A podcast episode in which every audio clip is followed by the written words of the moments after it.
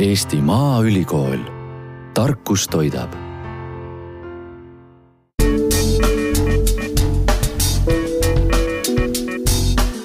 Head kuulajad, täna räägime Innovaatika saates metsapatoloogiast. Ja me räägime sellest, mis on need hädad ja probleemid, mis metsas valitsevad ja millest need on põhjustatud. sest et mets on elus organism, me tihti ei taha selle peale võib-olla niimoodi mõelda, aga tema kah kasvab, elab, sureb ja mõnikord juhtub see tingituna mitte nii-öelda loomulikust siis eluea lõpust, vaid, vaid sellel on omad probleemid Ehm, mina olen saatejuht, ajakirjanik Martin Hanson ja Tartust räägib minuga telefoni teel Eesti Maaülikooli metsapatoloogia professor Rein Trenkan, kes, äh, ma arvan, oskab vastata mu küsimustele ja selgitada natukene, et mis teadusharu see on ja, ja millised üldse nagu probleemid täna meil on äh, seoses metsa ja, ja metsa tervisega. tervist! Tere, tere! Äh, ma alustaks sellise noh, lihtsa küsimusega, et kõigil oleks selge, millest me räägime, et mis asi see metsapatoloogia on? no metsapatoloogia on teadusvaldkond, kus uuritakse kahjustuse põhjusi taimedel, sealhulgas muidugi puudel. ja need on siis äh, erinevad, kõigepealt keskkonnast tulenevad võimalikud kahjustajad, no näiteks põud, öökülm, neid nimetatakse abiootilisteks äh, kahjustajateks ja teiseks on biootilised kahjustajad ehk siis nii-öelda haiguse tekitajad.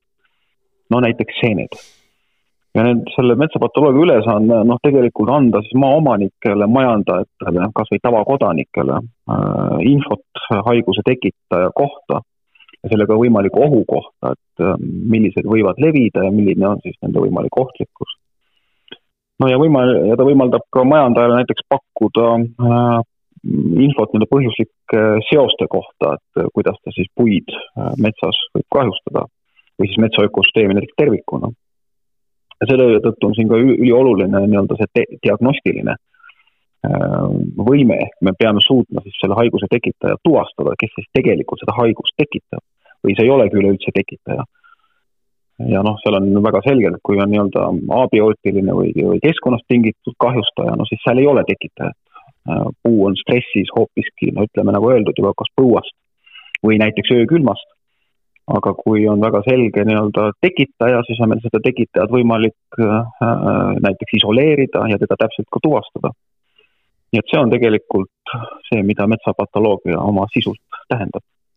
mismoodi see töö käib, milline näeb teie töö välja? Lähete metsa ja võtate proovid, äh, uurite, vaatate, pildistate, mõõdate? Jaa, no üldiselt on nii, et ähm, noh, tudengitele ma õpetan ikka seda, milline on terve puu ja milline haige puu. see on väga selge erinevus. noh, tavapäraselt mõistavad ka inimesed ise seda, et talvisel ajal teatavasti lehtpuudel lehti ei ole ja see on täiesti normaalne nähtus. kui nüüd suvisel ajal puudel lehti ei ole, siis on tõenäoliselt mingisugune probleem, eks, et siis äh, on see selline hea indikaator. Ja no see muidugi kutsub metsapatoloog alati vaatama, nad näevad midagi ebatavalist äh, ja uurima, et mis siis seal lahti on, et äh, kas seal on Äh, konkreetselt mingisugune nii-öelda keskkonnast tingitud mõju, no ma ei tea, üleujutus näiteks on kõigile selge, et see võib põhjustada. aga kui ei ole see nii, siis on võimalik, et on mõni nii-öelda haiguse tekitaja.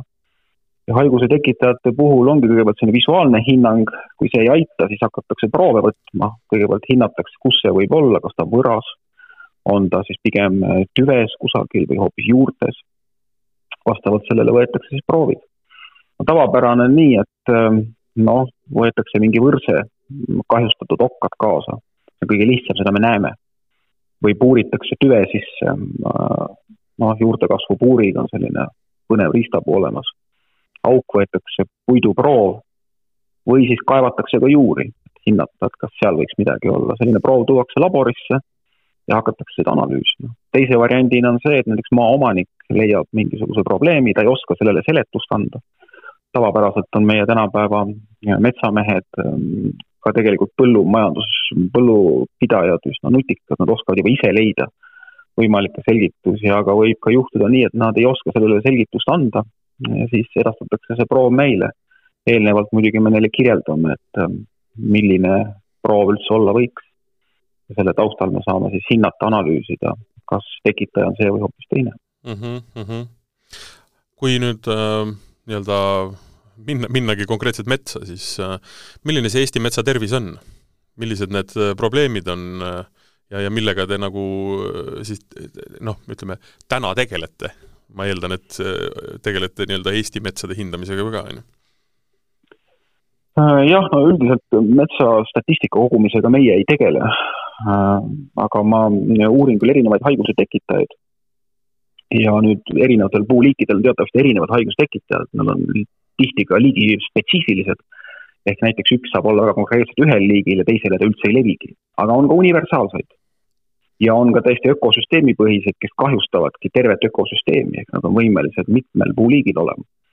no vot, need on sellised tõsisemad probleemid.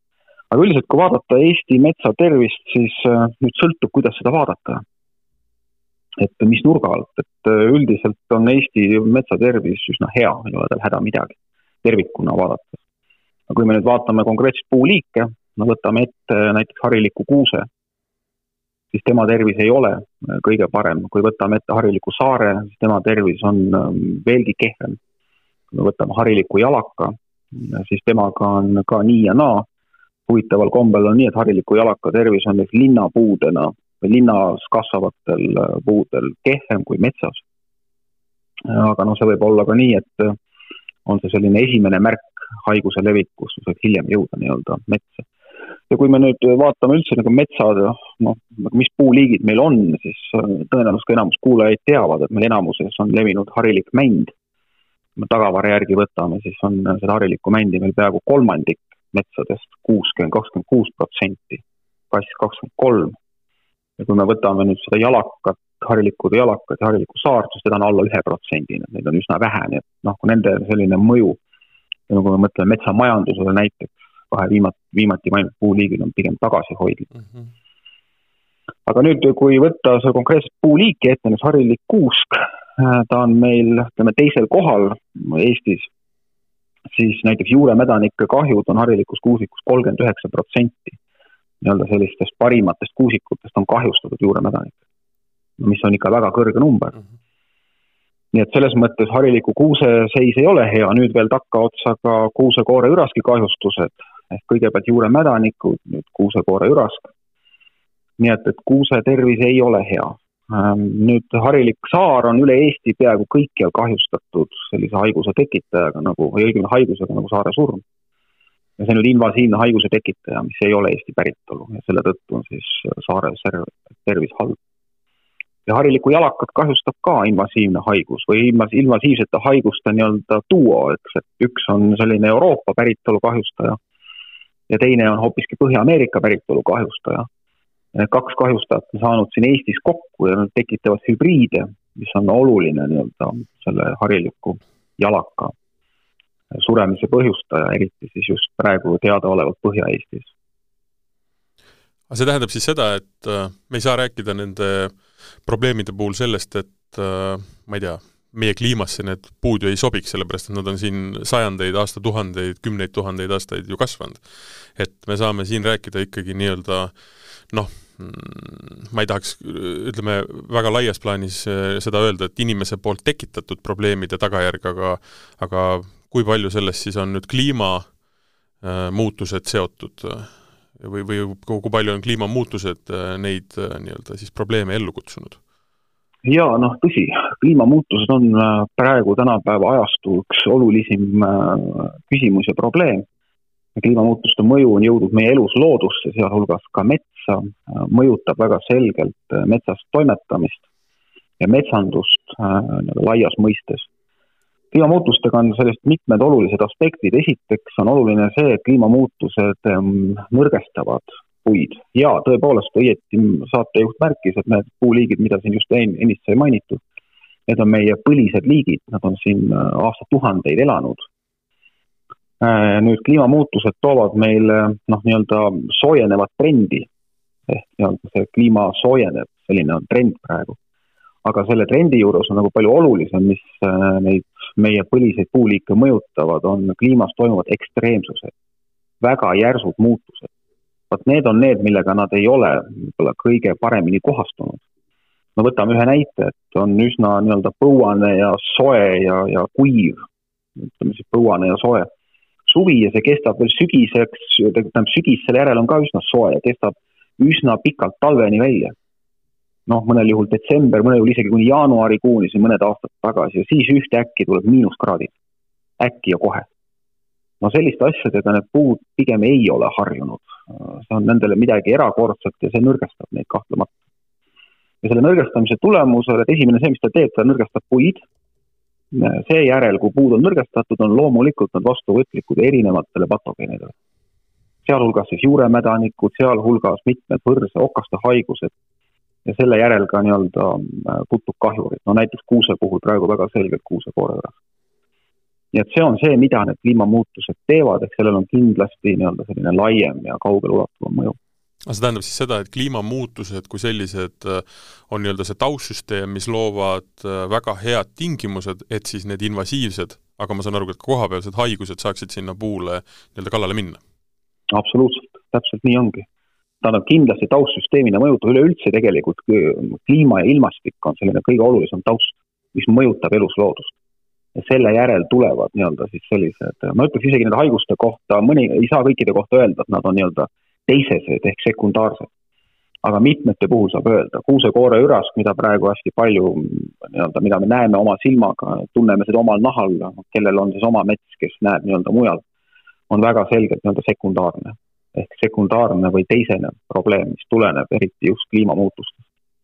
Aga kui me nende sekundaarsete nii-öelda hädade ehk siis nende haiguste juurde jõuame kohe, siis ma küsiks selle kliimamuutuse kohta veel, et ähm, kas konkreetselt sellest nii-öelda soojenemisest äh, on ka mets äh, saanud külge noh, me ei saa siin nimetada siis haigustest, haigusteks neid, aga aga siis nii-öelda negatiivse fooni, kus äh, see soe või see nii-öelda muutuv kliima neid tegelikult äh, ma ei tea, väetimaks muudab siis või, või, või noh, seda, et vastuvõtlikumaks nendele haigustele, seda selgelt, aga et äh, kui me jätame need haigused jah korraks kõrvale, et siis lihtsalt ma ei tea, kasvavad vä-, vähem, aeglasemalt, ei kasvagi jah, no üldiselt äh, ütleks nii, et äh, seal on see, et mis on see negatiivne foon kindlasti, et nad on nii-öelda stressis, nendel tulevad haigused. aga muidugi peab ütlema ka seda, et seal ei ole ka kõik nii-öelda üdini negatiivne, et mingil moel, kuna nii-öelda kasvuperiood on isegi pikenenud selle kliimamuutuste tõttu, see on ju positiivne. ehk äh, ka puud nii-öelda on saanud ka kasvada võib-olla isegi pikemalt kui võib-olla seni ma ütleks, et mõningatel liikidel on see olnud isegi positiivne et seda ei saa alati võtta ka nii, aga noh, ma ütlen alati on sellel kaks, kaks või erinevaid külgi või erinevaid pooli, et ei ole alati niiviisi üheselt mm. -hmm. aga noh, kui nüüd mõelda, mis on äh, nagu selle kliimamuutuste suhtes ähm, veel, et äh, kindlasti haiguse tekitajad ähm, tunnevad ennast positiivselt ja need, mis on lõuna poolt päritolu. ehk noh, tavapäraselt nad on siis lõuna päritolu haiguse tekitajad, mida kunagi nad siia ei ole tulnud ja põhjuseks on olnud talvekülmad talvekülm on hoidnud neid lihtsalt eemal, neile ei sobi see keskkond mm. -hmm. aga kliima soojenemise raames nad suudavad meile levida. ja levik toimub kahtpidi, et üks on kliimamuutuste teel, aga teine on ka inimene ise. ehk noh, meil ka aiapidajad, mõned nii-öelda hobiaednikud, täiesti nii-öelda teadmatusest ähm, või suurest armastusest mingi konkreetse liigi vastu ähm, olles kuskil Lõuna-Euroopas, Kesk-Euroopas, leiavad ühe põneva liigi, taimeliigi, pean silmas taimeliiki, võtab selle taimeliigi kaasa koos poti ja mullaga, toob siia Põhja-Euroopasse, istutab maha, mõnda aega tõesti väga hästi kasvab, ainult et mingil hetkel siis võib see taim surra ja ümberringi ka nii-öelda teised puud. nii et ta võis selle nii-öelda armastatud taimega tuua kaasa täiesti juhuslikult ühe haiguse tekitaja nii et siin on kaks asja, üks on looduslikult levivad nad lõuna poolt, aga ka inimene ise võib tuua haiguse tekitajaid. Nojah, aga ma saan aru, et kuni mingisuguse viimase ajani see, et äh, sealt Lõuna-Euroopast äh, poti ja mullaga see taim või, või puu siia toodi, ei olnud probleem, sellepärast et see haigus, mis kaasaga tuli, noh, meie talve lihtsalt üle ei elanud, oligi nii-öelda noh, sein, sein ees nii-öelda ja meil ei olnud mingit muret, aga nüüd avastas, avastas haigus, et näed, külmaks ei lähegi, kõik on hästi, eks ju. ja rahulikult no siis saab levida. Mm. -hmm ja muidugi veel, mis on olnud, et no vaata, inimesed on ikkagi aegadepidi toonud ju igasuguseid põnevaid Just. liike, eksootliike. ja nüüd need haiguse tekitajad, mõned on ju sellised, kellel ongi teatud liigid väga nii-öelda noh, neile sobivad need liigid, nad on kohastunud nendega elama. ja nüüd ta leiab sellise eksoodi siit eest ja ta levibki sellega. mis talle, mis talle on suurepärane. no me lihtsalt mändide puhul tuua ühe näite, et meil on harilik mänd, meie looduslik liik, põline liik siin aastatuhandeid olnud aga siis on meile linna haljastusse toodud juurde näiteks mägimänd. Pinus mugo ladina keeles. ta on tegelikult Kesk-Euroopas looduslikult leviv liik, väga nii-öelda kaunis liik, ma ütleks, seniaega on tema kõik olnud väga hästi. aga nüüd ähm, noh, inimene tõenäoliselt on toonud siis mingil ajal ühe sellise haiguse tekitaja, mis, või õigemini haiguse nimetus, me nimetame eesti keeles seda pruunvööks, äh, aga äh, haiguse tekitaja siis on Lecanus dictoatsicula, Põhja-Ameerika päritolu. See on toodud siia, tunneb ennast väga mugavalt mägimännil sest tõenäoliselt on ka mingid liigid nii-öelda Põhja-Ameerikas, mis on talle väga hästi sobinud. ja nüüd millegipärast sobib talle ka väga hästi see mägimänd. ja nüüd mägimännilt levib see haigus edasi meie harilikule männile, vähemalt mõnes kohas näites on seda üsna hästi näha. kui see mägimänd on harilikust männist kaugemal, nad kokku ei puutu, siis äh, see haigus veel sellele harilikule männile ka levinud ei ole, nii et üks selline konkreetne näide siis mm. äh, haiguse tekitaja ja, ja puuliigid aga kui me räägime konkreetselt sellest kahjust, siis äh, mis see kahju on, ütleme, võtame ühe konkreetse puu, äh, mitte liigi, vaid konkreetse puu, milline see kahju on, mismoodi see välja näeb? Ja, ja siis laiemalt ka, et, et kui me mõne nende haigustest nagu vaatame, et, et mi-, mi-, kui suureks seda kahju saab nagu pidada, et mismoodi see mõjutab nii, nii ütleme noh, tervet metsasektorit näiteks? No kui me nüüd võtame näiteks meie kodumaise liigi hariliku kuuse ja seda kahjustava ka meile nüüd ammu tuntud juurepessu.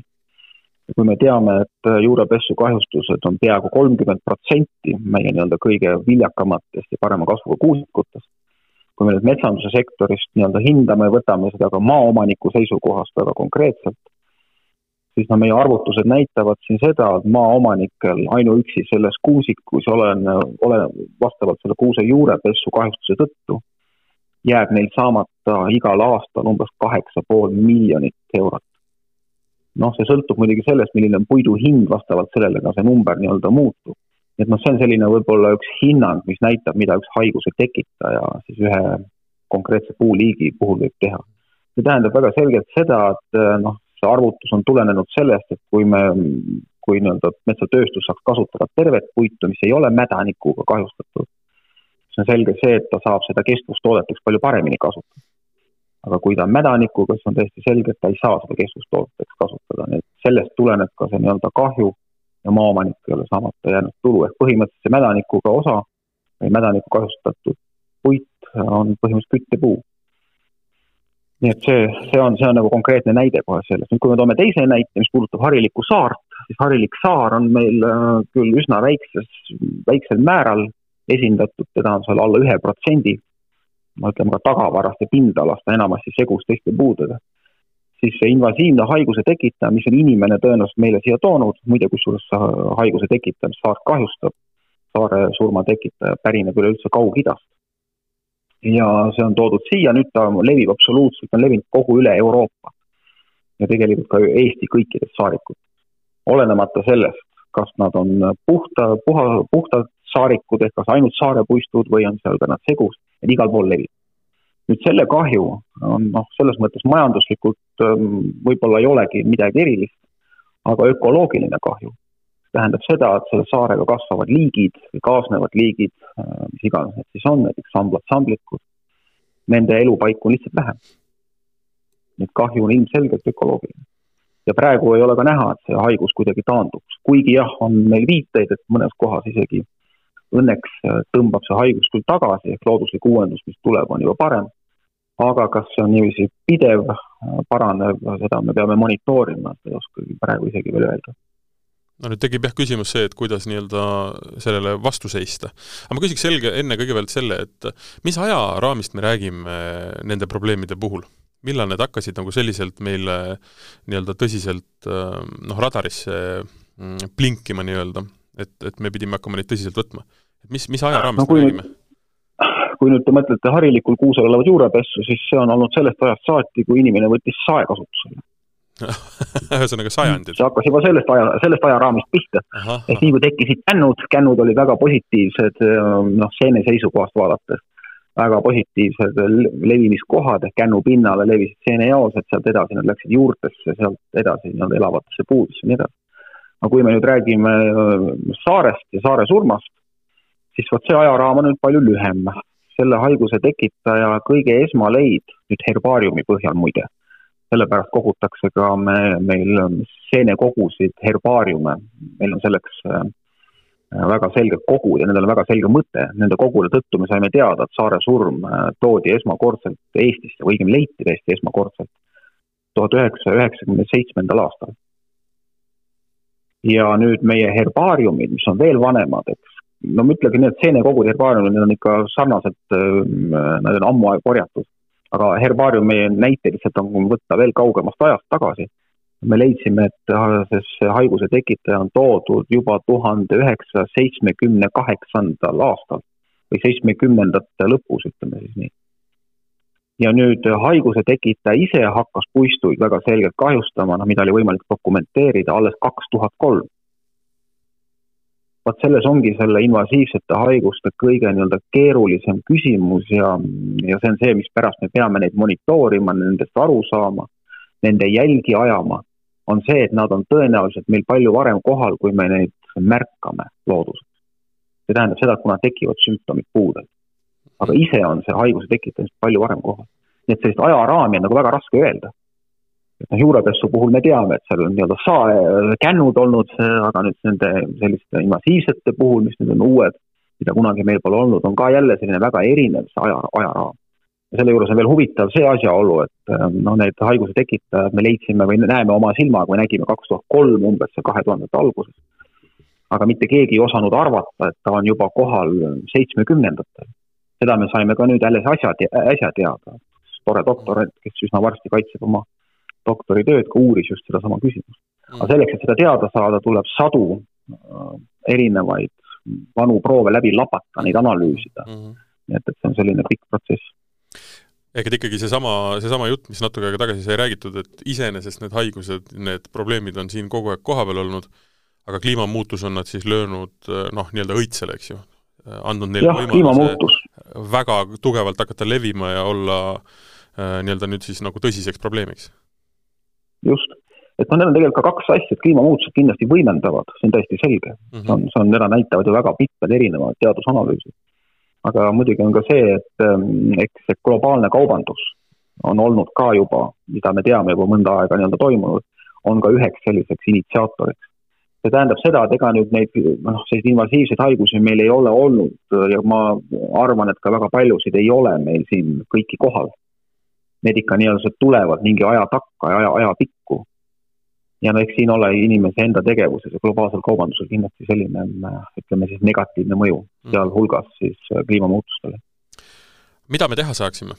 mis on need asjad, mis me peame või saame teha selleks, et äh, nii-öelda seda noh, eriti siis kuuse, mis on meil metsast nagu nii suur osa, et tema nii-öelda siis elu või, ja tervist nagu parandada? No kõigepealt me saame teha seda, et meil on õnneks juba praegu riigimetsa majandamise toel rajatud õige mitmeid äh, ägedaid järglaskatsekultuure. Need on Eesti eri kohtades, harilikku männi katsekultuurid on rajatud, kuusk on ka tehtud, kask on vist poole peal või ka varsti nii-öelda tehtud nüüd on võib-olla järgmised puuliigid võimalik ette aga need katsekultuurid on tehtud selle mõttega, et seal kasvavad meie kõige paremad päritolu kohalikud looduslikud puuliigid. ja nüüd on meil võimalik jälgida neid puuliike, kusjuures me teame juba, et kliimamuutused on ju kohal. see mõju on juba väga selgelt näha. me mhm. saame neid puid jälgida, neid hinnata, kuidas nad kasvavad ja missugused haigused neid kahjustavad. kuna õige mitmed nii-öelda ohtlikud ja invasiivsed on meil juba kohal. ja selle järgi me saame teha valikuid tuleviku metsa jaoks, milline nendest ähm, võib-olla ei kasva kõige paremini, aga ta on haiguste suhtes vastupidavam. ehk me suudame välja korjata sealt selliseid äh, isendeid, millised me saame viia tuleviku metsa. selleks, et nad oleks paremini vastupidavad või siis nii-öelda aitaks meil kohaneda muutuvate kliimaoludega aga kas me räägime, see on see, mida me teha saame. aga kas me räägime siin sellest, et me võtame needsamad äh, liigid, mis meil siin on, me lihtsalt äh, kasvatame neid ja võtame siis kõige parema siis nii-öelda ma ei tea, siis nii-öelda DNA-ga või kõige parema nii-öelda struktuuriga need, või me räägime ka pookimist, me räägime hübriididest, me räägime nii-öelda mingitest arendustest? noh, jaa, no kindlasti me räägime äh, kõigepealt ka, ka arendustest, aga kõigepealt me võtaks ikka need järglased ja saame nendelt seemet või ka isegi pookoksi, mis on kõige paremad pookokste järel me saame üsna kiiresti selle, mis, mida me tahaks tuleviku metsa viia. aga me saame neid, nendest ka seemet. ja nendest seemnest nii-öelda kasvatada tulevikupuid. nii-öelda me istutame metsa selliseid, kes on nii-öelda kliimakindlamad. aga muidugi see ei tähenda ainult seda, et me oma puuliikidega võiks, võiks mõelda, kuna kliima soojeneb, siis on ka teine võimalus see, et me analüüsime erinevaid eksootliike mm. -hmm. no näiteks lehised või isegi lõuna poolt päritolu harilik pöök kui kliima soojeneb, võimalik, et ka nemad kasvavad mõnest meie nii-öelda kodumest puulist palju paremini ja sobiks, ähm, sobiks kasvatada. nii et ka seda tuleb kindlasti mõelda. ma toon näite täitsa võib-olla no mitte täitsa teisest ooperist, aga siiski, kui me räägime näiteks viinamarjadest, siis äh, üle-eelmise sajandi nii-öelda keskel või, või teisel poolel toodi Ameerikast äh, selline pisikene täi nagu füloksera, mis tegelikult hävitas mm -hmm. ju noh, me räägime siin üheksakümmend protsenti tõenäoliselt, võib-olla isegi rohkem, kogu Euroopa viinamarjaaedadest. ja mm -hmm. lahendus oli see, et äh, tegemist on siis juure nii-öelda siis äh, juuretäiga, kes võtab, sööb juured ära. ja mis seal oli lahendus, oli see, et äh, tema kodumaalt ehk Ameerika Ühendriikidest toodi seesama Vitis vinifera viinamarja puu või viinamarja siis põõsa juured ja istutati nii-öelda siis Euroopa viinamari sinna otsa ja füloksera põhimõtteliselt, need juured olid nüüd füloksera kindlad ja tegelikult äh, sai nii-öelda siis äh, see sektor uuesti edasi nii-öelda liikuda et äh, kas noh, ma, ma, ma, ma tõenäoliselt, ma ei, ma ei tunne seda valdkonda nii hästi, aga noh, et, et et sellised analoogid nii-öelda metsanduses, on need praegu arutlusel, on see üldse võimalik? no kindlasti on võimalik, aga ma väga loodan, metsanduses me sellele, sellele levelile ei jõua. ehk meil ei tule sellist kahjustajat mm -hmm. ja niivõrd ekstreemset, ma väga loodan, aga noh, muidugi tuleviku osas ei või milleski kindel, arvestades seda, missugused on kliimamuutused, arvestades seda, missugused haigused tegelikult lõuna pool meid ähm, ohustamas on, nii et, et äh, jaa, äh, selliste asjade suhtes tuleb muidugi olla nii-öelda valvas ja otsida erinevaid võimalusi, lahendusi, see on täiesti selge. aga nüüd, mis puudutab veel äh, harilikku kuuske, nagu ka küsimus oli, siis me tegelikult metsanduses me saame ka teha väga palju. meie tulevikumetsad tõenäoliselt ei tohiks olla ja ei ole soovitav, et nad oleks monokultuurid mm, -hmm. eriti pidades silmas harilikku kuuske. sest et me juba teame väga hästi, et monokultuuri on äh, nii-öelda kuusk on eriti vastuvõtlik, äh, kõigepealt juuremädanikud, siis kuusekoora üraski järgi jääb lage maa. nii et tulevikumetsandus on kindlasti fokusseeritud nii-öelda mitmeliigilistele puistutele ja pigem mitte monokultuuridele, ehk selline põllumajanduslik mõtlemine metsan, tulevikumetsanduses kindlasti ei ole enam äh, asjakohane. ehk et ikkagi klassikaline Eesti segamets pigem jaa, segamets, et noh, ega on, metsamehed ütlevad ju ka otse, et kõige parem kuusik on selline, kus, kus on seitsekümmend protsenti äh, kuusk ja kolmkümmend protsenti kask, aga võimalik, et tulevikus on nii et, et viiskümmend protsenti on kuusk ja viiskümmend protsenti kask on veel kõige parem kuusik ja ühtlasi samal ajal on ka väga siis nii-öelda väga hea segamets. see muidugi muudab selle metsa majandamise keerulisemaks ja nõudlikumaks no nii on, aga no kliimamuutuste ajastul ei ole lihtsalt väga palju alternatiive, et me äh,, metsandus on äh, muutumas äh,. selleks, kui me tahame sealt saada kvaliteetset puitu, siis me peame neid muutusi tegema ja arvestama kliimamuutustega ja muidugi loomulikult ka õigete äh, järglastega, mida me sinna metsa istutame, mida me sinna kultiveerime.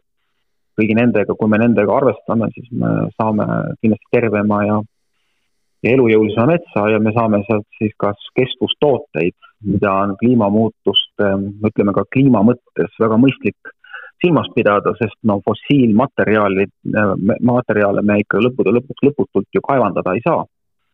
tuleb piir ette, ehk arvestades ka nii-öelda sellist nii-öelda rohemõtlemist, siis kahtlemata oleks väga mõistlik kasutada taastuvaid loodusressursse, milleks kindlasti on puit, ja asendada seda siis fossiilsete materjalidega aga selleks on meil vaja nii-öelda kvaliteetset puitu ja selleks, et metsad oleks terved, selleks, et ähm, see puit oleks kvaliteetne, mida me sealt kätte saame.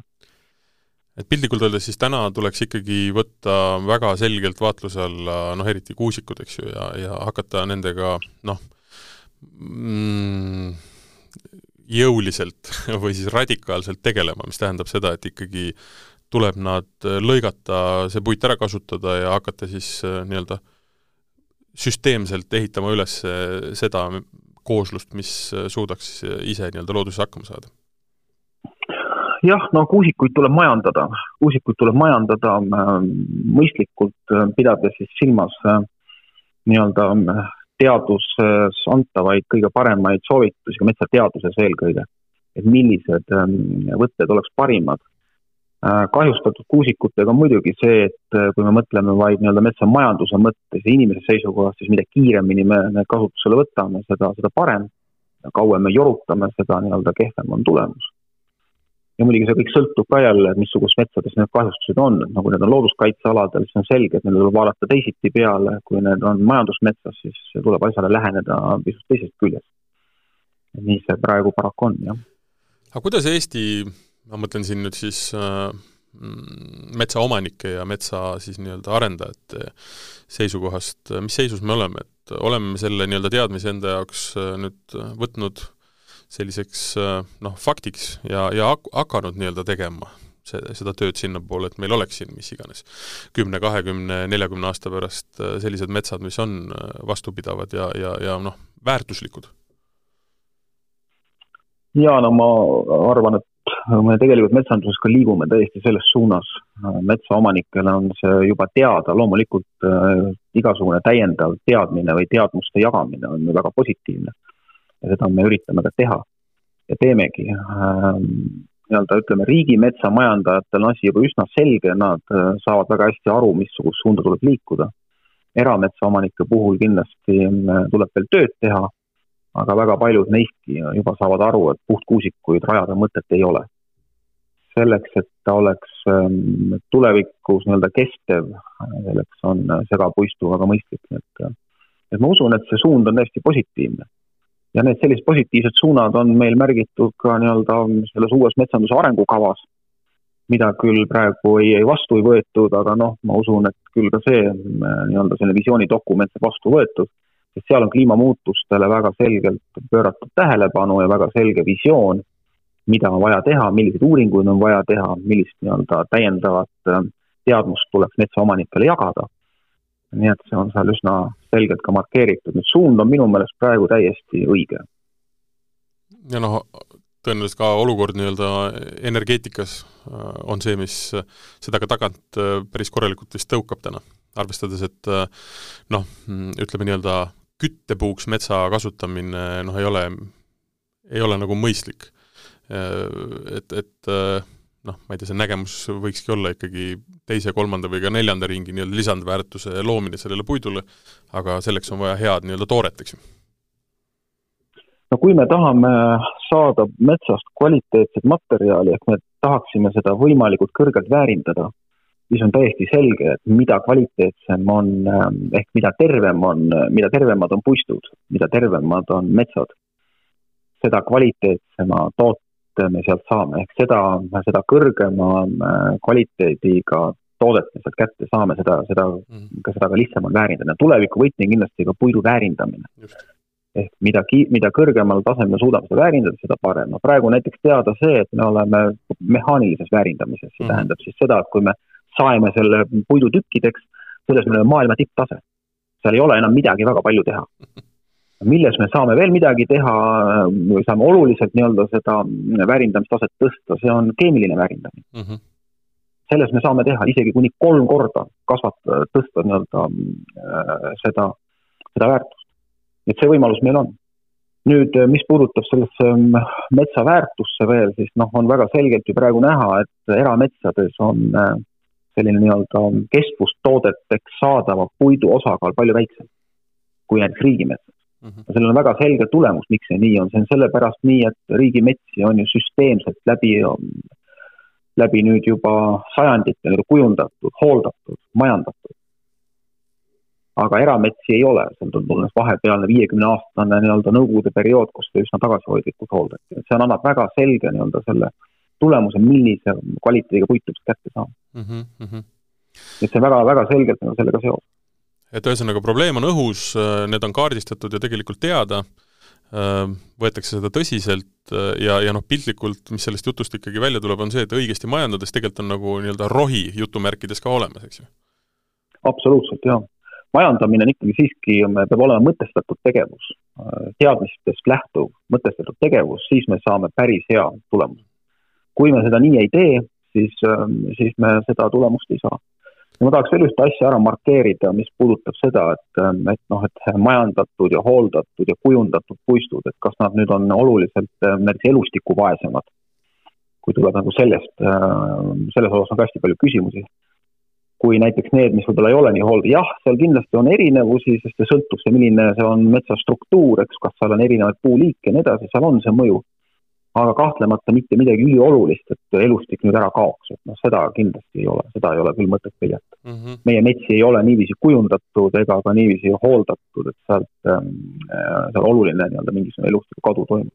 jaa, ühesõnaga, et olgugi, et me vahepeal läksime natukene ikkagi ütleme, minoorseks selle jutuga, siis äh, lõpuks äh, on, on, on ikkagi nii-öelda selles tunneli lõpus see valgus olemas, et tuleb lihtsalt mõistlikult käituda?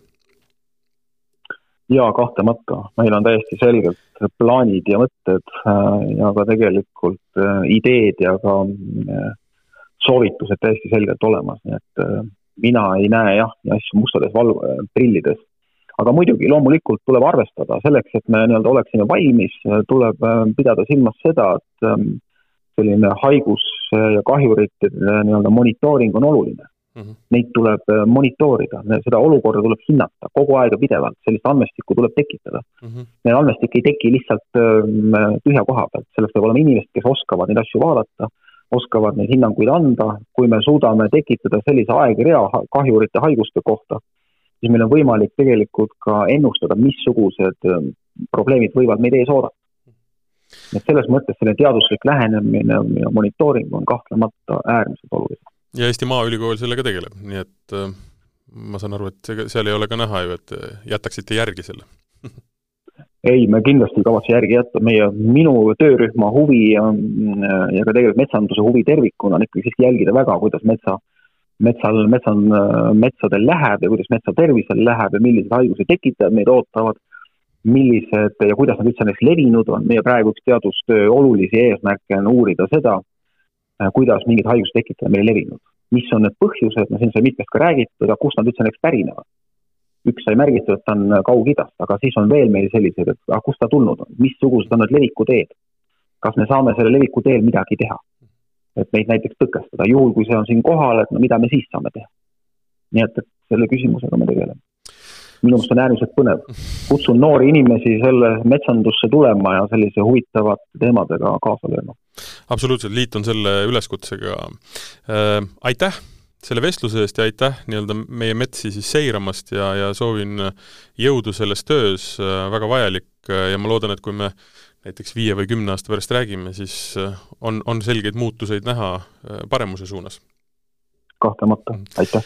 saade, mida te kuulasite, oli Innovaatika, me rääkisime metsapatoloogiast, äh, mina olin saatejuht Martin Hanson ja Tartus üle telefoni oli minuga seda vestlust pidamas Eesti Maaülikooli metsapatoloogia professor Rein Trenkan. Järgmine saade teaduse teemadel tuleb kindlasti, teemad on teised, aga jutud sama põnevad. nii kauaks aga nautige seda kena talve!